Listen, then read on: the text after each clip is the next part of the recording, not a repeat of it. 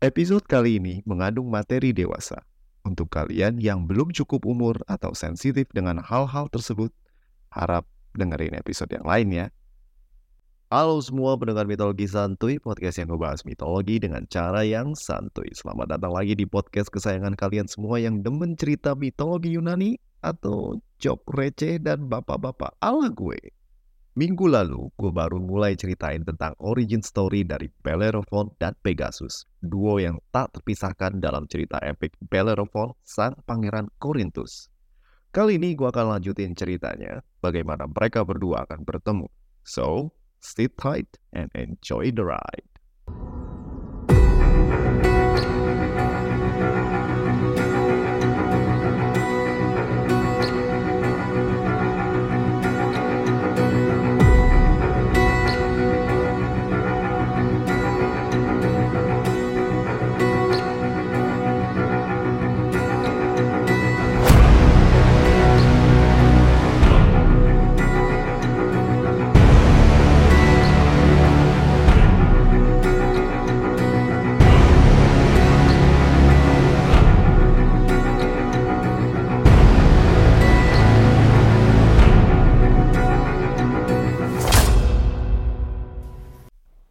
Korintus di zaman kuno adalah kerajaan kuat yang lokasinya berada di wilayah yang guru geografi gua bakal sebut sebagai Isthmus of Corinth. Isthmus adalah istilah geografi untuk tanah genting atau tanah sempit yang menghubungkan dua badan tanah yang besar. Isthmus of Corinth menghubungkan semenanjung Peloponnes dengan daratan utama Yunani. Kerajaan Korintus juga diberkahi dengan pelabuhan dan pegunungan yang membuatnya menjadi rebutan antara dewa Helios dan juga Poseidon. Persaingan antara kedua dewa ini begitu sengit, sampai akhirnya salah satu dari Hekaton Kires yang bernama Briareus harus menengahi. Briareus pun kemudian membagi kepemilikan wilayah Korintus di antara dua dewa tersebut. Helios diberi kuasa akan Akropolis di pegunungan, dan Poseidon menguasai wilayah dekat laut dengan kedua pelabuhannya. Korintus dibangun oleh salah satu keturunan Zeus. Iya elah, siapa juga yang bukan turunan Zeus di mitologi Yunani. Anyway, namanya adalah Korintos. Dan kota ini selalu memiliki nama besar di masa kejayaan Yunani kuno bersama dengan Athena dan juga Sparta. Di kota ini pula Jason meninggalkan Medea demi cintanya yang baru dan berakhir tragis untuk Korintus terus menjadi saksi sejarah yang mengukir namanya dalam berbagai literatur, termasuk kitab suci. Tapi cerita kita bukan tentang asal mula Korintus ataupun sejarah kota pelabuhan yang megah ini. Korintus di cerita kita adalah kerajaan tempat pahlawan kita, Bellerophon sang pangeran, putra Raja Glaucus atau menurut gosip, putra Poseidon, bertumbuh dari bayi kemerahan menjadi remaja energik yang kesehariannya dihabiskan dengan belajar berbagai ilmu pengetahuan. Sang raja mendatangkan banyak guru les untuk mengajarkannya pengetahuan tentang dunia dan alam sekitarnya. Bellerophon menikmati pembelajarannya dan enggak pernah bolos buat belajar. Sang remaja telah menyadari tanggung jawabnya semenjak dini dan mengerti kalau suatu saat nanti ia akan memerintah Korintus sebagai seorang raja menggantikan ayahnya. Namun dari semua kesenangannya, ia sangat gemar berkuda dan berburu. Kedua olahraga yang populer di kalangan bangsawan ini benar-benar membuat Bellerophon tergila-gila. Bersama adik tirinya lain ibu, Deliades, keduanya sering menghabiskan waktu bersama berburu babi hutan dan hewan liar.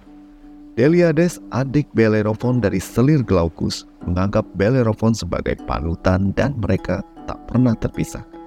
Dan pada suatu hari, kabar mengenai penampakan satu makhluk mulia sampai di Korintus. Para penduduk melaporkan adanya kuda bersayap berwarna putih yang terbang di langit Korintus. Kuda yang begitu indah dan mampu terbang ini telah lama terdengar keberadaannya.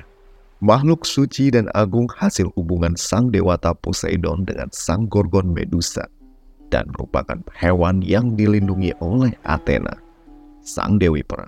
Kuda putih bersayap ini diberi nama Pegasus dan tak seorang manusia pun sanggup menaklukkannya. Banyak yang berusaha untuk menangkapnya, namun sang kuda memiliki naluri yang tajam. Tak ada manusia yang bisa mendekatinya, apalagi menyergapnya. Pegasus telah menjadi impian para pahlawan dan pemburu sebagai tunggangan ideal karena kecepatan dan kemampuannya untuk mengarungi angkasa. Legenda kuda sembrani yang abadi melekat di semua kalangan dari anak-anak rakyat jelata sampai ke kaum ningrat termasuk Bellerophon dan juga Deliades yang tak melewatkan kesempatan untuk melihat sang kuda yang konon sering mengunjungi sebuah mata air di pegunungan tak jauh dari Akropolis Korintus. Kedua bersaudara ini pun bergegas pergi, berusaha melihat dengan mata sendiri kuda legendaris tersebut. Bellerophon dan Deliades mendekati mata air dengan perlahan. Tak ingin mengagetkan Pegasus, kedua bersaudara ini bersembunyi dan menunggu di balik rimbunnya pepohonan. Suasana rimba tampak sepi.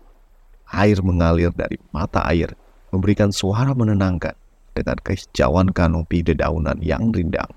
Tak heran, sang kuda terbang yang ansos tersebut suka mampir di telaga yang amat damai. Bellerophon dan Deliades menunggu dengan sabar, walau dalam benak mereka berbagai imajinasi telah menghiasi angan. Bellerophon membayangkan dirinya akan menunggangi kuda terbang tersebut dan melayang pergi jauh ke tanah yang jauh, pergi ke timur, ke India, tempat istana Helios berada, atau jauh ke barat dan mengunjungi Taman Hesperida untuk memetik apel emas yang tak bisa ditolak oleh wanita mana pun. Dan lamunan Bellerophon buyar seiring dengan suara kepakan dan lenguhan kuda dari udara. Pegasus, sang kuda legendaris, turun dari angkasa dengan begitu anggun sambil mengepakkan sayapnya. Tubuh sang kuda putih bersih, bagaikan kain baru yang tak bernoda. Perawakan sang kuda tegap dengan otot yang kuat, namun tak mengurangi keindahan. Perlahan, Pegasus menghampiri mata air dan menurunkan kepalanya untuk memuaskan dahaganya. Bellerophon dan Deliades mengamati dengan kagum rupa makhluk ilahi di hadapan. Seolah tak percaya kalau mereka berada di alam nyata. Bellerophon mencubit pipi Deliades yang berteriak, Aduh! Dan mengagetkan Pegasus yang kemudian terbang meninggalkan telaga. Ah, goblok. Ngapain sih lu teriak-teriak? Lu yang tolong, ngapain cubit-cubit gue segala? Walau mereka bertengkar, mereka lega karena telah melihat dengan mata mereka sendiri keberadaan Pegasus, terutama Bellerophon yang tak bisa melupakan apa yang dilihatnya hari itu. Sang pangeran muda terobsesi dengan Pegasus dan menghabiskan waktunya mencari keberadaan sang Pegasus yang tak pernah lagi kembali ke mata air tempat ia pertama kali melihat makhluk mulia tersebut. Obsesi Bellerophon membuatnya jarang tidur dan murung. Dan hal ini terlihat jelas oleh ibunya, Eurinome, yang khawatir dengan kesehatan sang anak yang sudah dua tahun lamanya mengejar-ngejar kuda bersayap tersebut. Mungkin Eurinome khawatir karena di usianya yang sekarang, Bellerophon mestinya sibuk ngejar-ngejar cewek buat dijadiin pacar. Lah, ini malah ngincer kuda. Akhirnya Eurinome memberikan saran Bellerophon untuk mengunjungi kuil Athena, sang dewi kebijaksanaan, junjungannya. Eurinome yang merupakan kesayangan Athena tahu bahwa sang dewi pasti punya jawaban untuk fetis tak lazim putranya. Bellerophon manut nasihat ibunya dan pergi ke kuil Athena untuk mendapatkan inspirasi. Bellerophon membawa persembahan kepada sang dewi perang dan kebijaksanaan kemudian bersujud di hadapan patung Athena yang memegang patung Nike bersayap. Bellerophon menunggu inspirasi datang, namun tampaknya Athena tak memberikan apa pun. Patungnya terdiam, dan para pendeta yang menghampirinya memintanya untuk pergi dan kembali lagi lain hari. Tapi dasar anak muda yang keras kepala, Bellerophon pun bersikeras. Dia tidak akan pergi sebelum Athena memberikan jawaban akan masalahnya. Akhirnya Bellerophon pun tetap berada di hadapan patung Athena selama berhari-hari. Sang pangeran menolak makan dan minum dan tetap bersujud, berharap sang dewi bermata abu-abu tersebut turun dari Olympus dan memberikan petunjuk untuk menaklukkan Pegasus. Akhirnya stamina sang pemuda tak bisa menuruti niat kerasnya. Bellerophon kolaps dan tak mampu lagi bersujud. Bellerophon tak sadarkan diri. Kelelahan dan kelaparan telah membuat tubuhnya lemah, tak sanggup lagi untuk bangkit. Namun di tengah kelemahannya, sang dewi akhirnya menemuinya dalam alam bawah sadarnya. Sang dewi memberitahukan bahwa Pegasus tak bisa ditunggangi oleh sembarang orang. Sang penunggang haruslah mendapatkan restu Athena dan Poseidon. Dan ketulusan Bellerophon telah menyentuh hati Athena. Athena memberinya kekang emas untuk mengendalikan Pegasus dan memberinya petunjuk bahwa Pegasus sekarang berada di mata air Perin, beberapa kilometer dari Korintus. Bellerophon bertanya, bagaimana caranya memperoleh restu Poseidon. Dan Athena pun kemudian menjawab, Bellerophon putra Poseidon, tak tahukah kau bagaimana meminta restu ayah. Dengan kata-kata ini, Athena pergi dan Bellerophon pun terbangun dari pingsannya. Bellerophon mendapati kekang emas berada di genggamannya dan yakinlah ia kalau Athena telah menemuinya dan itu bukan sekadar mimpi. Dan Bellerophon pun tahu apa yang harus ia lakukan setelah ini. Ia harus pergi. Ia harus pergi ke warteg terdekat dan makan all you can eat karena sudah berhari-hari dirinya belum makan. Nah, kenapa? Jelaslah dia makan dulu kan lapar.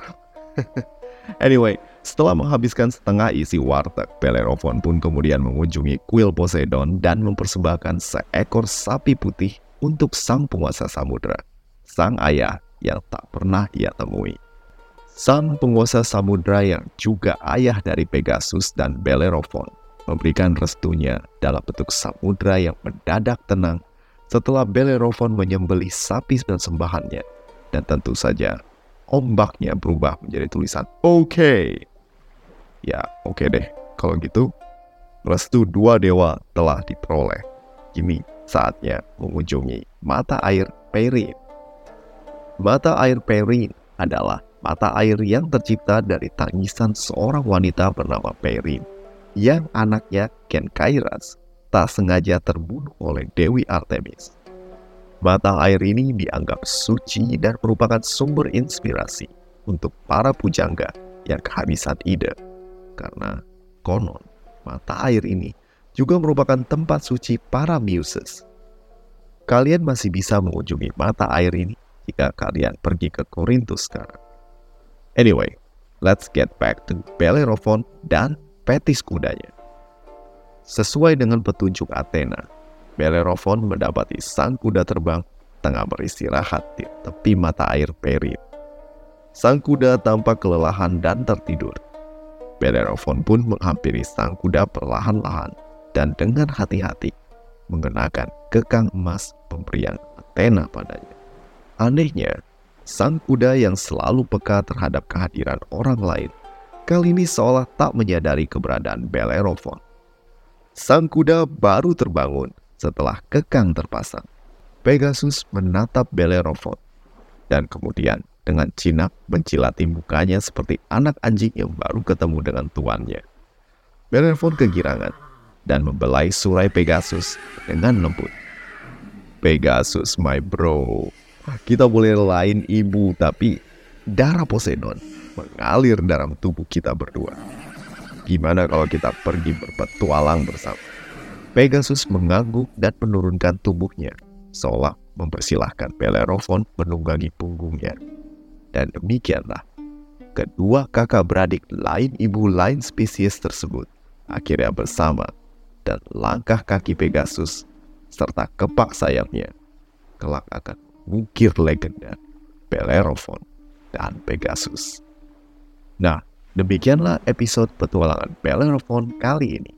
Semoga menghibur dan cerita petualangan Bellerophon akan bersambung minggu depan. Sebelum bubaran, gue mau ucapin terima kasih untuk someone yang udah traktir gue di laman traktir mitologi santuy. Buat kalian yang kepengen dukung podcast ini, silahkan mampir ke laman traktir mitologi santuy yang tersedia di deskripsi episode. Dan dulu ya, ciao!